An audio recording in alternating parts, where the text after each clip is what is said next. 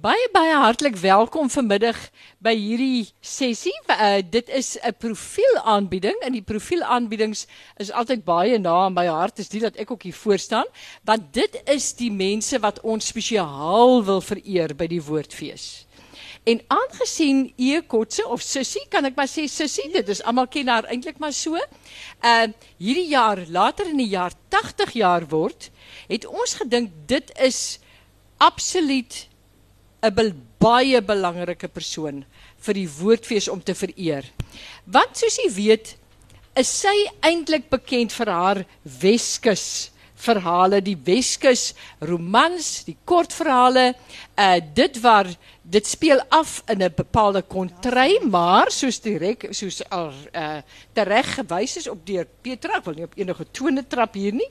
Uh Petra het al gesê dit oorstyg louter kontryverhale, dis baie meer want daar's altyd 'n soeke na die sin van die lewe. En dit is inderdaad waar. Mense kry altyd pitkos en veldkos by Sissie Kotse, maar sy is by uitstek die persoon wat die taal van die Weskus vir ons laat leef. Wat 'n wonderlike geheue het vir daardie ryk en ryp uitdrukkings in die taal wat jy soek aan rol op jou tong en wat vir jou soveel sê. En daarom omdat die woord vir haar so belangrik is en dan die Weskus woord as ek so mag allitereer hierso. Daarom het ons gedink sy is 'n persoon wat hoort by die woordfees en wat ons baie graag spesiaal wil, wil vereer. Nou vanmiddag gaan die uh, so 'n bietjie ek gaan sê hoe dit gaan verloop. Dit gaan so 'n bietjie die geaardheid aanneem van 'n informele gesprek. Ek sal my beskeie hier in die hoekie opstel om net weer die bedankings uiteindelik te doen, maar ehm um, hulle het voorgestel dat hulle gewoon lekker gaan gesels met mekaar. Nou weet nie of julle afgespreek het wie eers te begin nie, Petra. Nelleke begin eerste en dan uh is dit 'n lekker informele gesellige gesprek op die verhoog soos ek kan aflei. Dan wil ek tog net sê ek sal dan op die ou net die bedankings doen en daar gaan allerlei interessante beelde daar wees uh vir julle uh, op die groot skerm gewys het en dit gaan maak dat ek tog nie hier vir my gaan opstel nie. Ek dink ek gaan maar daar sit want anders mis ek die baie van hierdie gesprek. Dis nou jammer julle kan dit nie ook sien nie. Moenie maar hier staan hom ook. Nee, wag toe maar hier sit televisie net vir ons ook. So uh ek sal my dan hier sit en mooi kyk of ek as dit in die patte sal ek afskuif, maar anders gee ek dit in julle bekwame hande en dan wil ek net sê na die geleentheid is hier lekker drinkgoedjies hier buite. Uh bietjie wyn en so aan dat die gesellige samesyn daarom nie so gou moet ophou nie. So gesels gerus agterna met sussie. Kuier so 'n bietjie agterna hier by haar. Hier kom nie iemand direk na ons in hierdie uh saal nie. Maar uh, daarom is het nu heeltemal so bekommerd oor die tyd soos gewoonlik nie, maar veral ook bly so rukkie na die tyd. Baie dankie.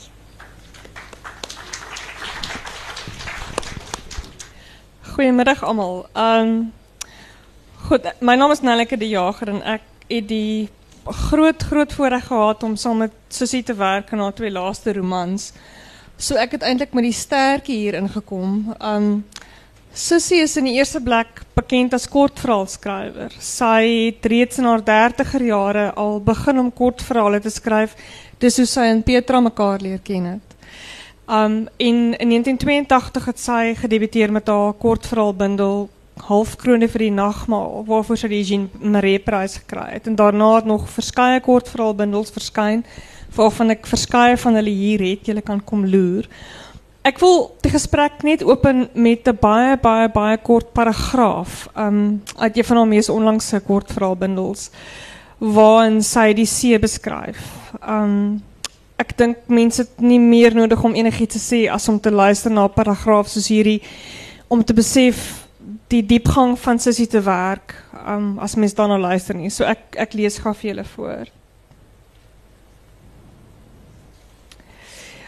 Notto en sy helpers is reeds besig om die kreefvangbakkies op te dra tot dit bo die hoogwatermerk sodat die seele nie in die nag bykom en invat seegat toe nie. Die water is die kleur van lood met hoë pulte en diep troue. Die branders breek met 'n sjoep geluid tot die skilpanke en werk walle bamboes uit waaruit wolke seevliegies stuif as 'n mens daarop spring. Die wind dryf vlae reën land toe. Die skuite ruk aan hul ankertou en ry bo oor die duining. Sissie, waar kom die kiem vandaan? Hoe dit begin? Moet ek ook vir jou sê waar dit begin het met daai met daai beskrywing?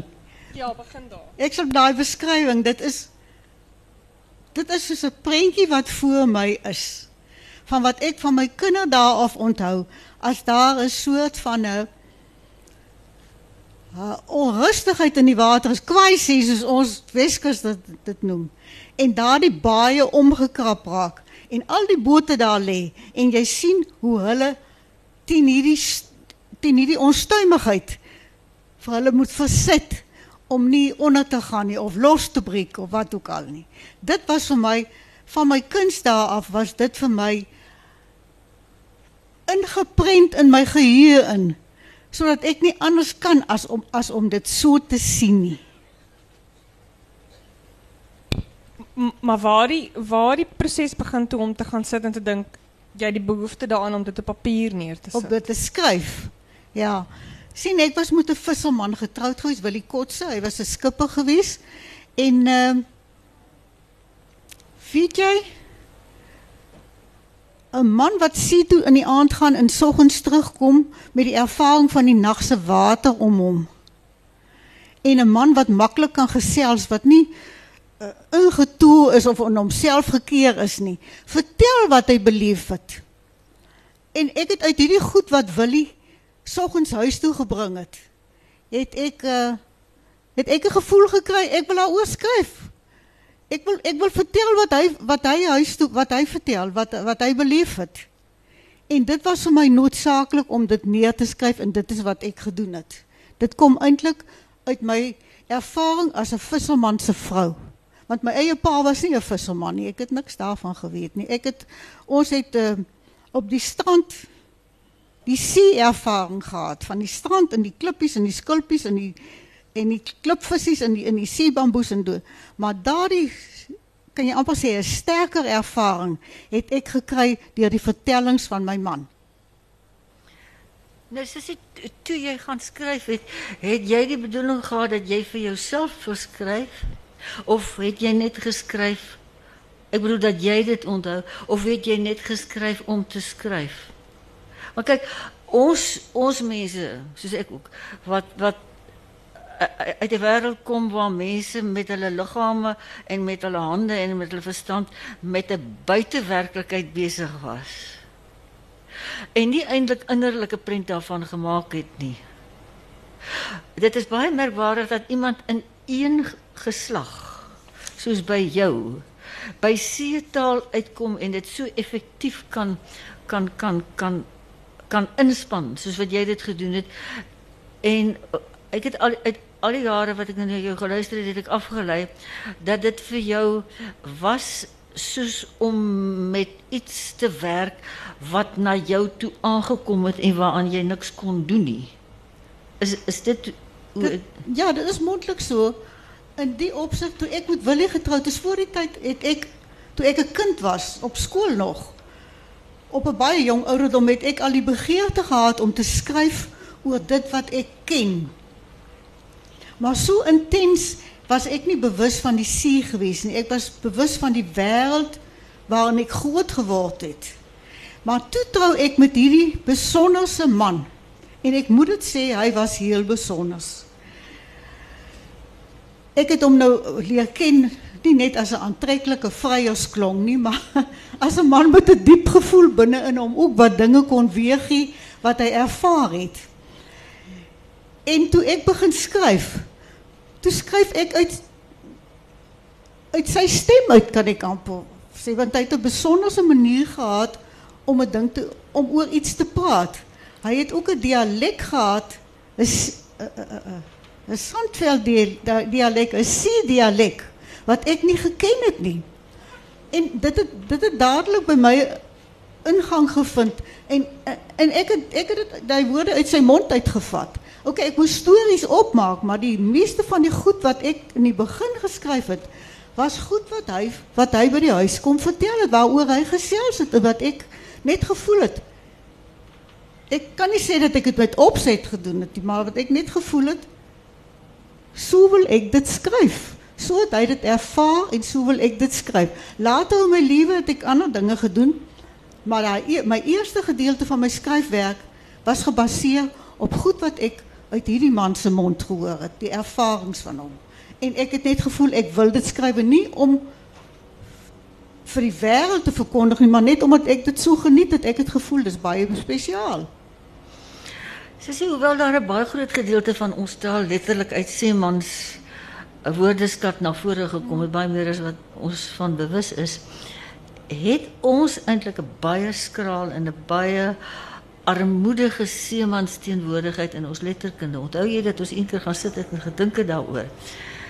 En ons het gekom by die dagboek van Jan van Riebeeck.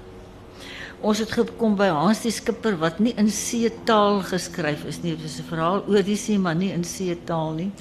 Ons het gekom by Dan Sluy se fantastiese een van sy sewe tafereele in sy boek wat op see afspeel. En daar was nog een of twee ander losverhale geweest. Maar daar was merkwaardiglik uit die taal wat van die see af oorgekom het hiernatoe, was daar behalwe jy nie een an, en enkele ander skrywer van wie mens kan sê dat hierdie mens in die see gebaker is nie in die taal, die gebeurtenisse maar veral die taal dat dit dat dit plaasvind deur die see taal. Nou, het dit my nog altyd geïnteresseer dit om Willie As jy hom nou ontmoet het, dan het jy uh, onmiddellik die indruk gekry van 'n man wat intens in die oomblik lewe. Maar sy mense se agtergrond was totaal grondgebonde. En hy het toe hy al 'n groot jong man was, het hy net so die oorskakeling na die see toe en hy het die langskipper geword en hy was die beroemdste, hy was 'n legende geweest. Hy was die beroemdste van die skippers van die van die Weskus geweest.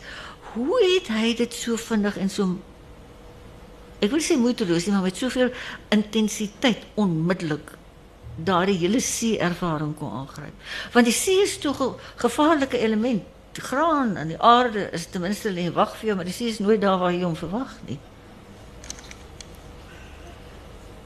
Ja, ek kan nou nie namens hom praat nie, maar weet jy, toe hy ons nou al 'n geruime tyd na, toe hy daarom nou al sy merk op die see gemaak het, het ons 'n nou weer by ons gehad wat vir hulle die die uh, ekskuus tog Wat noemen mensen het nou? Nou, ik heb ook nog mijn momenten waar ik nou al... Uh, maar... Uh, is dit die stuur, stuurmanskap? Nee, die stuurmanskap. Nie. Hij het... Wat nou eindelijk voor mij baie mooi is, en die mensen wat nu zitten, ik weet hier is een paar mensen wat nou ons Lambertsbaai se achtergrond ken. Hij het als jong sien, moes, was hij verplicht geweest om te gaan werken, want zijn ouders het hulle, het hulle uh, inkomste uit hulle uit hulle grond uit verloor en hulle moes Lamsbaai toe gaan dat die kinders daar vir hulle vir die ouers kan werk om 'n lewe te maak. En daar was een spesifieke ou skipper wat hy uitgesonder het. Nou ek wil die man se naam nie noem nie, maar ek gaan sy bynaam noem. Sy bynaam was Ou Hoed. En Willie het altyd vir my gesê as daardie ou man praat. Hy het nie baie gepraat maar as hy gepraat het, het hy gevloek. Maar hy was 'n befaamde seeman gewees. En as jong seun het Willie snags met hom see toe gegaan. En hy het by hierdie ou man alles omtrent die see en die vis geleer en die kuns van visvang wat daar moontlik was.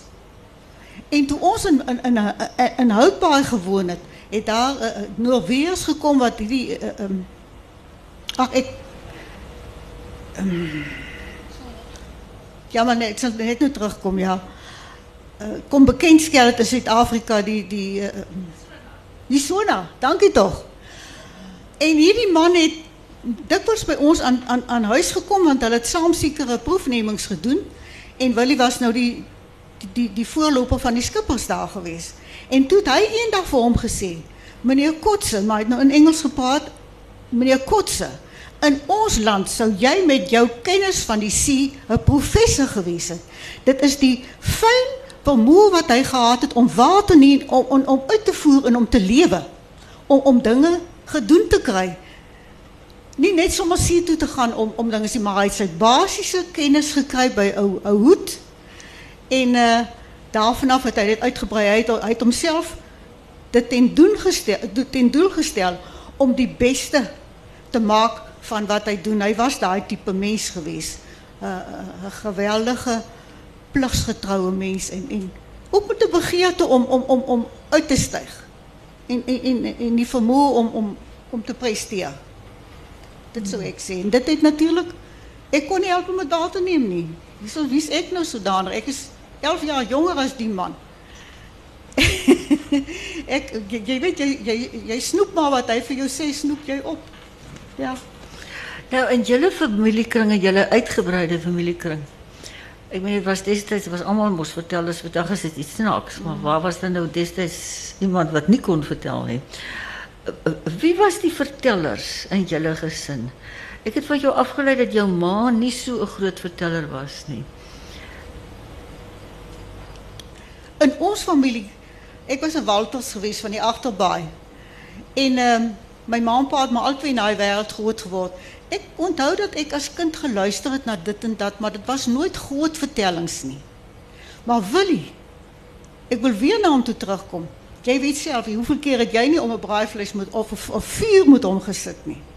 Hy kon 'n storie kon hy vertel dat dit kan jy amper sê eenmalig is. Hy kon gaan jag en hy kon terugkom ek vir jou presies sê waar die bok agter die bos uitgespring het en hoeveel skote hy geskiet het en ek weet nie wat al. So was dit met vis geweest. Ek het pragtige uh bandopnames gemaak van sy ervaring as seeman. En hy was nie eers onwillig om dit te doen nie. Hy het dood natuurlik daar gesê hy was verteller. En ek is bly dat ek daardie relasie wat hy toe wat hy nou op die ou end vir ons gegee het, dat ek dit vandag nog besit. Want dit was dit was mense kan nou maklik vir jou sê ek het vergeet hiervan of daarvan.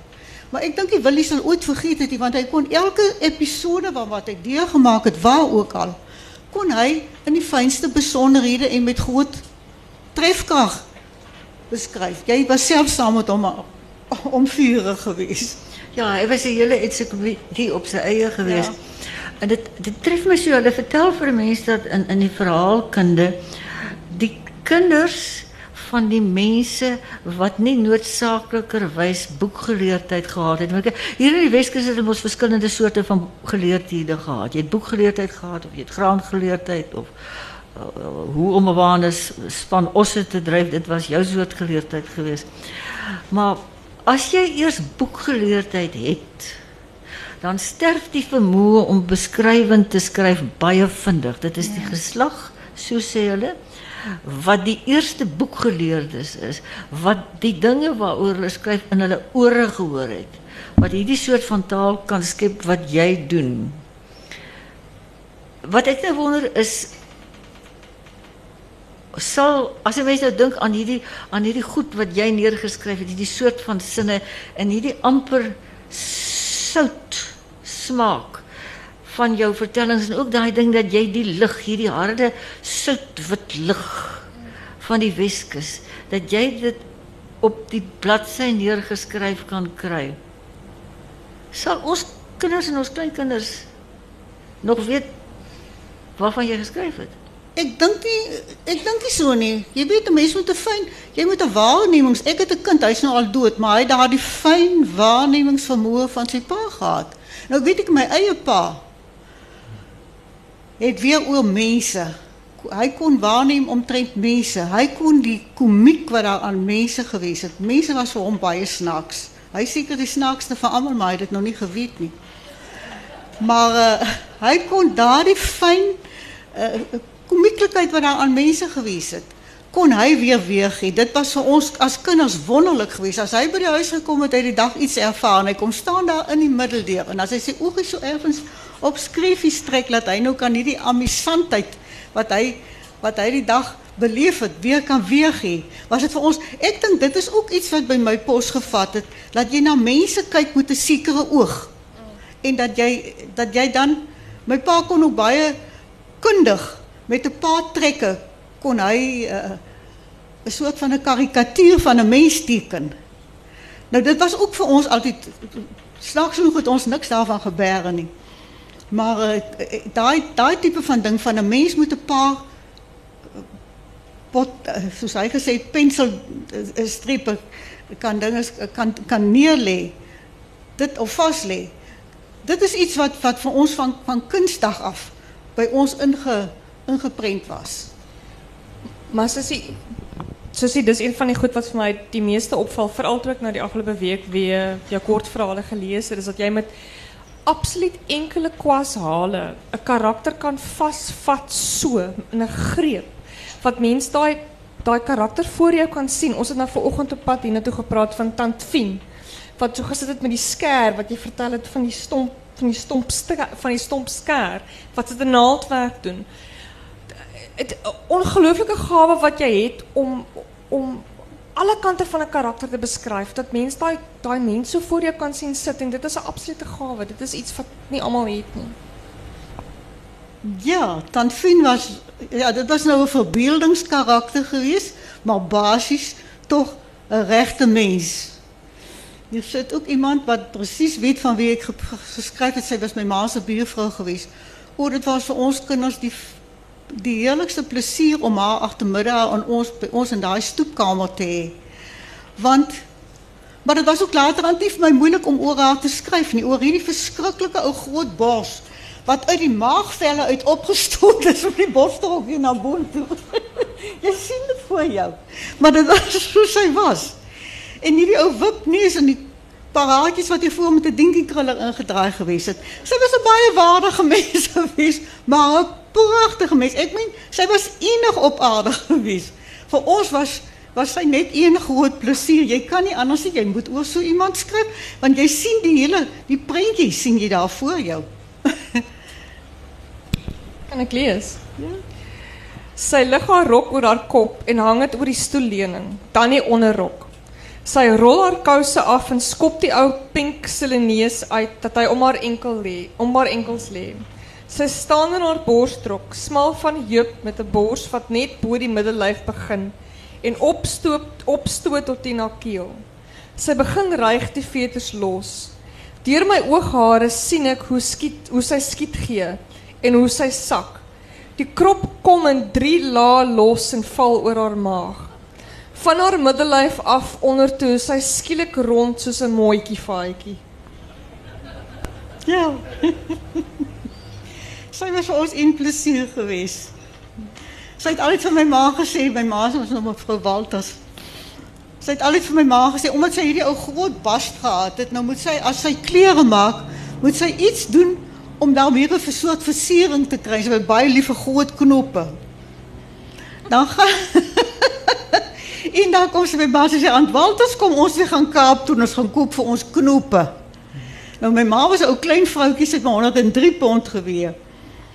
Toe is hulle twee, hulle drie Kaap toe gewees. 'n Dag lank het hulle eh, winkels deurkruis om knoppe aan Tini het vir haar gekoop. en hulle die aand in 'n hotel wat nie 'n baie goeie reputasie gewees het, het hulle geslaap. Hulle het nie eens geweet dat hulle mag ek dit sê in 'n hoerhuis slaap dit was vir hulle 'n uitslike onderneming. was dit is nou eintlik uh, maar die die die van van van die tannie. maar ek weet jy as kind jy kan nie help om dit te onthou nie om, om dit bly is blywend by jou. Ja, nog iets wat jy wil weet. Sy sê om te skryf is een ding en om te publiseer is 'n ander ene. Hoe, hoe het jy dan toe uiteindelik tot publikasie gekom? Of weet jy dit altyd geweet dat jy mm -mm, gaan publiseer? Mm -mm. Nee, nee, ek het nooit daaraan gedink nie. Dit is 'n vreeslike waarstuk vir 'n mens om as jy totaal in onkunde 'n verhaal geskryf het en jy stuur dit nou miskien in oormoedigheid na 'n tydskrif toe dit word gepubliseer. En na na tydjie het jy nou daarom al die huisgenoot en jy die sari en ek weet nie waar ook oral nie. En jy het nou al 'n klompie stories bymekaar. En nou sit jy. Nie moet het, moet 'n moet 'n rede of 'n doel jy maak nou maar die boeke waaraan jy goed verskyn het bymekaar en na op 'n dag kom daar nou 'n vrou soos Petra by jou aan op die plaasie waar ons toe gewoon het. Toe sit nou al 'n geruime tyd wat ek nou so al storieetjies skryf. En sy vra vir my of ek dan nou niks het wat ek wil laat publiseer nie. Maar toe het iemand nou al vir my van die van die uitgewers gevra of ek nie uh, verhale wil laat publiseer nie, maar toe het ek nou in my onkunde het ek toe nou 'n baie lelike blaps gemaak wat ek nou nie hier gaan vertel nie. En kan my ek wil nie. En en toe sê Petra vir my, "Maar gee vir my die stories." Nee, maar daardie stories wat ek toe nou weggestuur het, het er niks van gekom nie, maar dit is ook nie aan my teruggestuur nie. Toe sê ek vir die verhale lê nou al 5 jaar by by die uitgewers. En sy gaan soek dit toe sy kry dit so waar. En toe het sy daaraan gewerk. Ek sal nooit vergeet hoe daai verhale na my toe teruggekom het. So hier en daar 'n regmerkie. By jy toe weet ek gar nie. Maar aan daai verhale het ek gewerk en daar het dit afkronne vir die nagmaal te voorskyn gekom. En so is my eerste uh, kortverhaalbundel by Tafelberg uitgegee. Kan jy amper sê ook 'n toevalligheid. As dit nie vir Petra was sal dit nooit gebeur het nie want ek sal nie die die uh, vermetelheid gehad het om weer navraag te doen daaroor nie. Dit was vir my net eenvoudig buite die kwessie geweest. Ek het al 'n volg vervolgverhaal ook geskrywe wat daarom gepubliseer is, maar wat dis mos nou niks nie, dit mos maar 'n love story geweest. Op die manier het ek toe nou deur Petra se bemiddeling, ek moet eerlik sê ek moet vir haar baie groot krediet krediet gee dat sy dit dat sy dit dit toe bewerk het. Sy en Charles Fryer laat dat daardie verhale op die ou end in boekvorm uitgegee is en dat dit so is dit eintlik suksesvol gewees het. Dit is maar soos dit begin het. Nou ja, as dit as jy nou eers daarmee begin het, dan wil jy daar 'n bietjie aangaan daarmee. So het ek maar die een na die ander kort verhaal binneetjie, ek weet nou nog nie hoe hulle ek weet nie wie die dit was Charles en Petra gewees wat vir my kan jy amper sê so 'n stootjie vorentoe gegee het. Sissie, dis 'n verskriklike ding vir mense om hulle self in 'n stuk skryfwerk te herken. Dis amper erger as om jouself op televisie te sien. Ehm en jy het jy het baie definitief geskryf met die vitaliteit en die patrone van die mense reg rondom jou. Hoe het hulle Hoe het hulle daaroor gevoel? Jou jou jou ouer familielede, kan ek dit so stel? Nou nie eintlik sodanig familielede as dorpsgenote en en en jou plaaslike jou plaaslike mense nie. Ek het altyd probeer om nie 'n mens direk te beskryf nie. Soos met die ou tant Fien ook nie. Maar ek weet nie sy was het sy dan nog gelewe toe dit verskryf het. Niemand het ooit vir my daaroor aangevat nie. Ek weet ek het een keer 'n kort verhaal geskryf met 'n vrou met so 'n gestrepte broekie en toe het Willem vir my geskryf jy het my vrou in jou storie. Daarvan weet ek nee, jy sal ek het so stil gebly. maar ons het dan nie kwai vriende daaroor geword nie. Maar ek het altyd probeer om so 'n bietjie te verdoesel en net so 'n uh, uh, uh, een uh, kan jy sê 'n uh, uh, 'n vonk wat daar uit 'n uit 'n insident gekom het ge, te gebruik. Maar ek het een keer 'n lelike ding oorgekom. Ek het 'n storie geskryf. Ek dink dit is ook een van my kortverhale oor die ou tannie wat oor die ou man wat sy wat sy kiesstand uit sy kakebeen uitgesny het. Het die vreeslike lyding gehad oor oor, oor sy ou vrou so moeilik gewees het. Nou ook 'n baie ou bekende tante daarso. En ek het die en wil net vir my gesê, jy gaan in die moeilikheid kom oor die stories. Ek sê, "Maar man, ek skryf nie die verhaal direk soos is nie. Ek kan nie help een van sy dogters my vertel hoe haar pa nie klein huisie gesit het en die tand met 'n knipmes uitgesny het.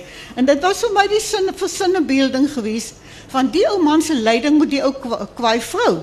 Want hy het met 'n hy het met 'n met 'n bruilof. Vroeger tyd was mos daardie bruilof op die plaas geweest en dan kom die waans en goeders ingejaag op die werf en dan is daar nou ma mans wat met geweerskote en goed, dis 'n hele gedoente.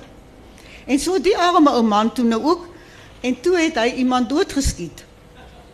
Dit was 'n 'n gedoente, maar sy vrou was 'n plaaseienaar geweest. Maar sy het op die ou end nou na aanleiding van die gebeurtenis het sy toe haar grond verkoop en moes hulle toe nou ook op Lambertsbaai kom bly waar daar nou dit nou in die see hy nou op die see moes kom werk en uh, eintlik niks verdien het nie. Hulle het baie swaar gekry. En die ou vrou het dit vir hom nooit laat vergeet nie. En so het hy nou die leiding wat hy onder daai ou antie gehad het, het hy toe uit sy kies kies uitprobeer sny met die seer tand wat hy gehad het. Dit het ek het so het ek nou die dit ek nou die situasie be, be, behandel. Slap aan. Die storie se naam is Slap aan. Slap aan ja. Ja. Sult van die aarde. Net hy. In elk geval nou is die storie is nou is nou verby. Niemand het my daaroor gekruisig nie en ek is nou dood op my gemak om ons een naweek op 'n plaas daar naby tussen Lambertsbaai en in Doringbaai. En daar is 'n familielid van ons baie gawe mense en ons goed ontvang alles. En toe ons nou wil ry weer, toe sê die vrou met so stout laggie op haar gesig. Sy sê Tannie, maar hierdie ou ou ou man wat nou in die storie van Slapbaan hier beskryf word. Dis mos nou die en die ou man daar van Klein Williams wêreld af. Ek sê ek ken nie so mense nie. Maar dat ek nou kan uit my hart uit sê ek ken nie so mense. Ek weet niks van daai insident nie. Nou so kan mense hulle self vereenselwig met iets wat glad nie betrekking het op wat jy geskryf het nie. Want ek kom met my hand op die Bybel sê ek het die ou die die mense nie geken nie. En gelukkig het hulle die ander nie 'n verbintenis met die ander begin nie. So dit kan vir jou 'n verleentheid stel. Wil dit vreeslik lekker gelag toe ons daar wegry sê kan jy nou sien. Ek sê ja, maar ek is nou nog altyd onskuldig. So dit dit gebeur so. Mense kan hulle self soek ook in stories. Dit gebeur ook baie keer dat hulle hulle self wil raak sien in verhale wat wat wat hulle nie by betrokke is nie. Sussie, ek wil vra oor die oor die skuif van van kortverhale na romans toe. Hoe hoe het daai vir jou gebeur? En En was het een diep swem geweest of het het veel makkelijk gekomen na alle jaren van kortverhalen? En dan nog, nog een vraag daarbij. Denk je, jij zal weer kortverhalen schrijven? Had ik eerst die laatste in antwoord. Ik denk ik zal teruggaan naar kortverhalen toe. In de eerste plek heb ik niet een printer nie, en hoe krijg ik het van mijn rekenaar af? Dat is zo goed als wat ik met die dienst, met die moderne technologie is. Ik was mijn laatste kort verhaal binne klaar gemaak. Is is dit die uh die wind staan oos. En toe was ek nog nie baie lus weer vir kort verhale gewees nie. En ek het 'n vriend gehad wat saam met my groot geword het op Doringbaai Johan Bleke. Ons het saam was saam kinders. Hy was so bietjie ouer as ek. En hy het vreeslik aan my sit te torm ek moet die geskiedenis van Doringbaai skryf. Waar ek groot geword het en hy ook. Ek was maar 'n jaar en 'n half oud toe ons daar gaan woon het. En ek het altyd vir hom gesê, "Wie ek weet eintlik nie wat ek daaroor nie en ek gaan nie ek gaan nou nie 'n Pieter, wat is nou die woord wat ek nou soek? Maar in elk geval, ek gaan nou nie 'n verhandeling oor Doringbaai skryf nie. Dit doen ek nie. Ek ek hou nie vir my op met met met met feite nie, want dan kan jy nie dan kan jy nie jou jou passies maak en in in hier en daar iets inlas soos jy dit wil hê nie. Jy kan nie lieg daaroor nie. As jy oor feite skryf, moet jy oor feite skryf en ek hou nie daarvan nie. Ek wil maak soos ek wil. En toe het Johan aan my gesit te kerm oor oor die geskiedenis van Doringbaai. Toe ek vir hom gesê ek sal ek sal daarmee ek okay, ek sal dit doen, maar ek gaan dit nie doen soos wat jy dit verwag nie, want daar gaan iets uitkom wat jy wat jy nie verwag nie. Dit is ek gaan dit doen soos ek dit kan doen. Nou, ek was toe baie gelukkig dat ek 'n hele klop, hy het baie feite gehad op want hy is ouer as ek gewees. En sienskinders mag mos meer rondloop as dogters. En ek het baie geweet van van van die omstandigheid van die van die dorpie self. En ek was ook baie bevoorreg dat ek hier met die Oceana groep, daar was 'n bestuurdertjie daar gewees wat ek weet nou al sy naam vergeet. Hy was so gaaf geweest dat hy vir my al die materiaal wat hulle gehad het tot my beskikking gestel het in hulle raadsaal ook dat ek daar kan kom sit en doen en dit het my geweldig baie gehelp. En verder het ek maar die ervaring wat ek as kind gehad het, met ding is maar dit was vir my dit vir my verskriklik lekker. En ek wou toe oor daai dorpie skryf en moet baie eerlikheid daaroor skryf. Die daar was ook vir my groot uh, uh, uh, verrassings geweest want goed wat ek nie van geweet het nie hoe die kreefbedryf uit niks uit ontstaan het tot dit sy hoogtepunt bereik het en toe hierdie dorpie sy sy- sy uh, s- kan jy amper sê daar so 'n afdraand gekom met 'n ondergang van die dorp.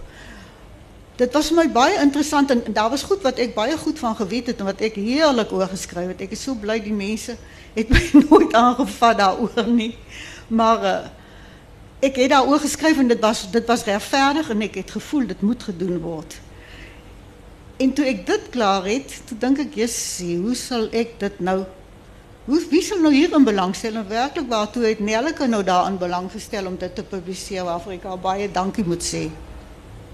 En toe ek nou toe dink ek nou wag, nou gaan ek oor die visbedryf skryf en toe het ek vir hoogtyd geskryf. Nou weet ek nie wat ek nog kan doen nie, maar dit was vir my lekker geweest. En uh, ek het nie v- ja, dis vir my lekkerder as 'n as 'n kort verhaal. Kort verhaal is so kompleks.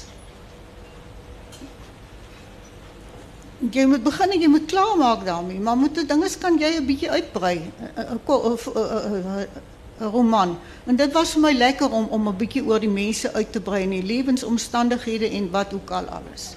So dit was vir my lekker geweest en ek dink ek sal nou nog probeer. Sissie, daai boek van jou is een van die groot dorpsboeke wat daar is. Uh Toringse Baai. Ja. Ek praat nou van, van al die dorpsboeke wat ek ken. En toe ek dit gelees het, het ek vir myself gesê, daar's nou regtig een mens na wie toe ek die boek graag wou neem. En dis William Faulkner. Die storie wat hy daar van die suide vertel het van die stadige insypeling van hierdie ander vreemde ras van mense, hierdie. Die Snoups. En Jy het dit jy het geheel en al daai daai boek daai boek kan saampraat. En wat wonderlik was van daai boek was dat jy dat jy die stadige dissolusie van hierdie hele gemeenskap so foutloos en so eenvoudig en direk daar neergesit het. Maar weet jy dat dit ook so gebeur het en dat dit vir ons as ou inwoners van daai klein dorpie wat uit niks uit ontstaan het nie en wat ons ouers met toewyding gesien hoe dit hoe dit groei in die fabriek en oral. Hoe dit deur die gulsigheid van mense kan jy amper sê voortgedruk was om iets daaruit te kry voordat dit tot niet gaan. Dit was vir ons as as as ou inwoners was dit 'n groot hartseer storie geweest. Dit die die snoepheid van mense kan jy jou nooit voorstel nie. Dit is amper soos 'n soort van 'n geloof, né? Nee? Ja. Iets demonies daarin. Ja, maar jy weet dis ook ook vir die ouer mense was dit baie moeilik om hulle griep of waarvoor hulle gewerk het te verloor en af te gee aan mense wat reken hulle is nie hulle is nou nie modern genoeg nie. Hulle is, hulle sien nou hulle hulle wil nou vasklou aan 'n geskiedenis terwyl hierdie mense met 'n vloed wil vorentoe gaan. En jy kan dit doen. Maar dan sit jy op die ou end met niks, want jy vernietig uh, jy weet hoe 'n vloed gaan. Hy sleer alles mee. En dit, maar maar ook vir my die die die die die die, die groot verlies daarvan was die mense wat uh, um, die mense wat wat hulle karakters op daai plek afgedruk het is dat hulle uitgeskuif is. Dit was dit was vir ons as vandag nog. Ek gaan baie na daai plekkie toe terug. Dit is my wonderlik. Ek kon vir my huis ook daar gekoop het. Maar daar het iets verlore gegaan.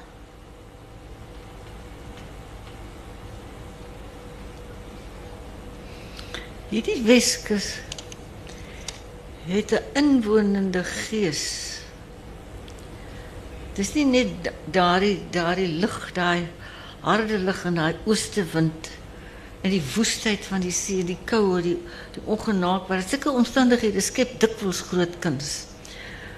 Maar hier in die Weskus was bitter interessant. As jy nou dink aan die Weskus van ons land op en ek vat hom dan nou van ek praat nou van sand. Sandveld, jy vat hom van die vlakte af op tot bo in Namibië. En jy dink aan die ooskus van ons land. Watter Afrikaanse letterkunde het daar uit die ooskus van ons land gekom? Terwyl daar 'n streepskrywers van die van die van die bestes heel hierop. En as jy net so 'n klein slap tree effe binneland toe dan kom jy met dieselfde oorspronklikheid en dieselfde ongenaakbare weergawe van dinge. Kom jy by die Lous uit en by om Isak Boerneef en by Anna Lou. En hier as jy dink aan aan Weideman en aan Walters. Daar's daar's 'n ganse tradisie van Weskus letterkunde. En as jy na sinne gaan kyk, is daar geen ander tradisie wat so goed is soos die Weskus sinne nie. Hoe voel jy daaroor? Jy's deel daarvan. Ja, nee, ek is deel daarvan, is heeltemal reg. En ehm um, ek weet nog nie hoe ek vir jou moet sê hoe ek daaroor voel nie, maar dat dit dis opmerklik dat hoeveel hoeveel groot skrywers ek sk- beskou myself nie as 'n groot skrywer nie, maar die regte groot skrywers, 'n groot deel van hulle kom uit hierdie uit hierdie droë gebiede uit. Ek weet nie of dit iets te doen het met die swaar kry van die mense dat dat, dat hulle uitgekristalliseer het as uit iets uh uh uh. uh 'n dominee het eendag gesê wat baie verbitterd was want daar is ook maar min mense wat meer kan vloek as die Weskus mense. Ja, maar vloek by hulle is soos by Shakespeare, dis 'n kunsvorm. Dis 'n kunsvorm. Ja, o oh yes, hulle moet dit doen want hulle het nie 'n ander manier om hulself uit te druk nie. Ek het vanoggend weer oor of gisteroggend op die radio gehoor as jy nie genoeg woordeskat het, die vloek jy 'n woorde aan. Maar dis nie dit nie. Maar hy was baie verbitterd daaroor gewees oor die mense van die Weskus ook so hard is. Maar hoe kan hulle anders wees in 'n omgewing as jy in die Ooskus opgaan is alles sag en groen en waterryk. En hier is jy in die Weskus met mense wat eintlik 'n stryd voer om te lewe. Jy kry min min sagtheid daar. So jy daarom was dit vir my so wonderlik dat ek met 'n man getroud is wat in hierdie harde oostwind wêreld groot geword het. En dat hy dit nie in hom gehad het die woede van die see en alles ontbeer en hy hy hy kon dit weerstaan en uitstaan. Maar dat hy altyd met 'n sagtheid huis toe gekom het. Toe ek hom leer ken het. Dit was dit was uh, dit was vir my opmerklik geweest. Nie dat dit vir my vreemd was nie want ek het hom so leer ken. Maar dat hy hierdie sagtheid en hierdie toegeeflikheid in hom gehad het wat baie mans nie het nie. Maar die Weskus mense het swaar gekry. Hulle het toe ek 'n kind was in ons ry ergens sien. En ons ry hier tussen tussen die vletjies deur. En die ou tannies stap agter Mara daar in die suidewind wat so onplesierig waai. En hulle rokke waai so teen hulle lywe vas en die pampoene op die dak dan dink ek, ooh, Here, ek wil nooit hier nie. Dis dan vir my te erg. Hoe hou die mense dit uit? Ek kan nie sê dat ek dit anders gehad het later nie. Maar hulle is gebrei in 'n hardheid in. In 'n in ek sê ek wil ook nie sê hardheid nie want jy jy het verskillende tipe mense daar gekry. Maar 'n soort weerstand wat hulle gehad het om hulle self te handhaaf in daardie barre wêreld waarin hulle woon. 'n Deursettingsvermoë wat hulle gehad het. Ek het groot groot pietyd vir hulle. Willie se ma, my ag se pa. Hy was 'n wiewenaar. Sy vrou is dood. Toe sit hy met vier kinders, vier kinders waarvan een 'n babatjie van 'n paar ma, paar dae oud was of weke. Hy baie die storie vertel van oorlede Giesietjie, maar ek het nooit geweet nie tot ek eendag al te my ouders te hoor ek oorlede Giesietjie is dood toe sy 6 maande oud was. Toe dink ek by myself, wil hy het gehad, wil hy se pa het gehad vir Aunt Sarah en Aunt, en Aunt Essie en vir oorlede Joos? Nee, 'n ander ene. Oostenwald was sy naam seun. En die babatjie, 'n wiewenaar in daardie barre wêreld moet 'n suigeling. Ek sê vir Willie, maar die jou pa moes die kind onder sy hande laat doodgaan. Hy sê ja. Die kind kon nie lewe nie. Dit was vir my 'n ontsetting toe ek dit die eerste keer begryp. Dat so iets met so 'n ou man kan gebeur En dat hy hy uit al die werk buite op die werf. Hy het nie hy het nie geld nie. Hy was arme mense gewees. En hy het sy werk al sy werk op die plaas en hy het hierdie vier jong kinders waarvan die babatjie vanselfsprekend sterf. Maar daar nie dinge is nie. Maar dit is dit is die die die ontbering wat daar ook gewees het by daai mense. Wat word van so 'n man as hy ouer loop word? Wat is sy reaksie teenoor die lewe? Maar soos ek, ek kom terug na na daai transformasie, daai daai skryf om om daai ontberings te kan sien en om dit op papier te kan sit en te kan vertaal in iets wat boei en wat slaag as letterkunde, want hierdie is letterkunde. Of dit nou die alledaagsede is in in halfkrone vir die nagmaal met die pa en die seun en die muntstuk wat hy vir die kind gee wat net 'n shilling is en nie halfkroon nie.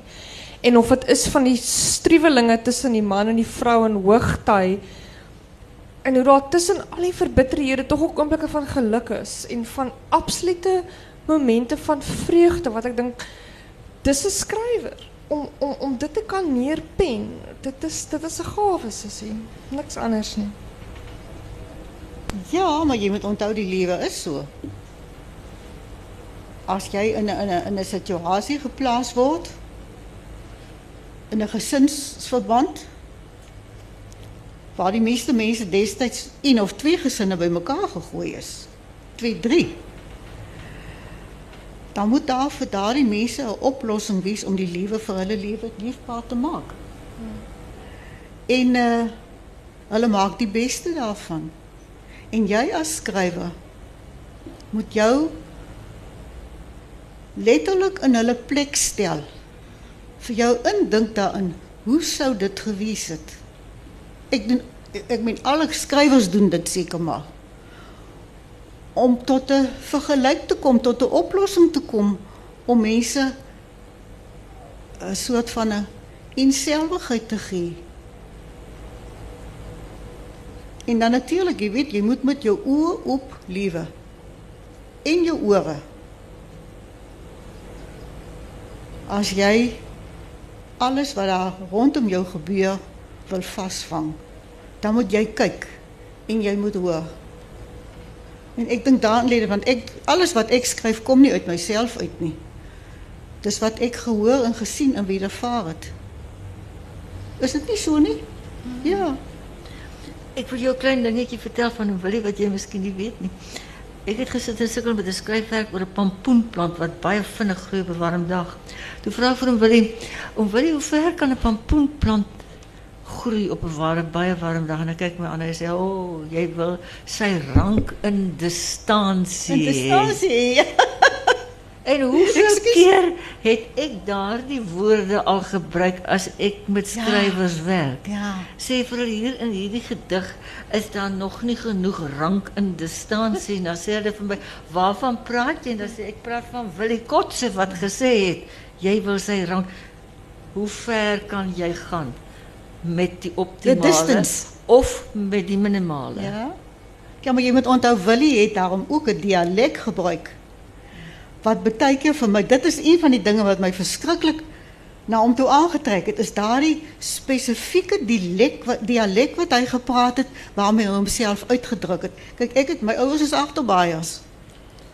En uh, ek moet sê eerlik sê, hy het ook nie lelik gepraat. Die Willie kan baie keer lekker geswets het. Nou in die laaste tyd het hy dit minder gedoen toe hy minder op die see gewees het. Maar hy kon daarom 'n dialek gebruik wat eintlik eie aan homself gewees het. Ek weet nie waar hy daaraan gekom het nie. Hy was hy was eintlik 'n buitengewone man. Ek is jammer om dit te sê want dit lyk nou so of ek opgeskep is met hom, maar dit is so. Ek moet sê ek dink dit was 'n baie goeie en 'n insiggewende gesprek wat ons so 'n klein kykie gegee het op die manier wat jy kyk in die manier wat jy werk.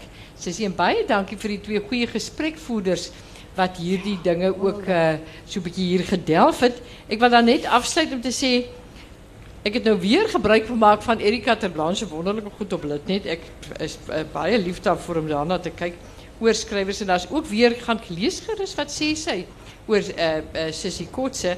En dan sy sê hier 'n paar baie mooi goed. Sy sê hier Nou ja, eie woorde. Jy weet die Weskus is vir my so mooi. Die grond en die lug lyk mos nooit dieselfde nie. Sekere tye van die jaar is dit grasgroen en ander tye weer vaal en hard. En ek dink dit het ook na vore gekom dat die mense van die Weskus daarbey aanpas by hierdie veranderende seisoene en die veranderende voorkomste. En dan sê sy Doornbaai het die grondslag gelê vir my eie liefde vir die natuur. Die voordeel van so 'n klein gemeenskap is hoe ingeskerp 'n mens raak op die mense om jou. Ook die afhanklikheid van die mense van mekaar. Hoewel lewend die gees was, hoe nou daar saamgewerk is, konsert en bazaar gehou en koorsange uitgevoer is, hoe daar in tye van siekte en nood hande gevat is.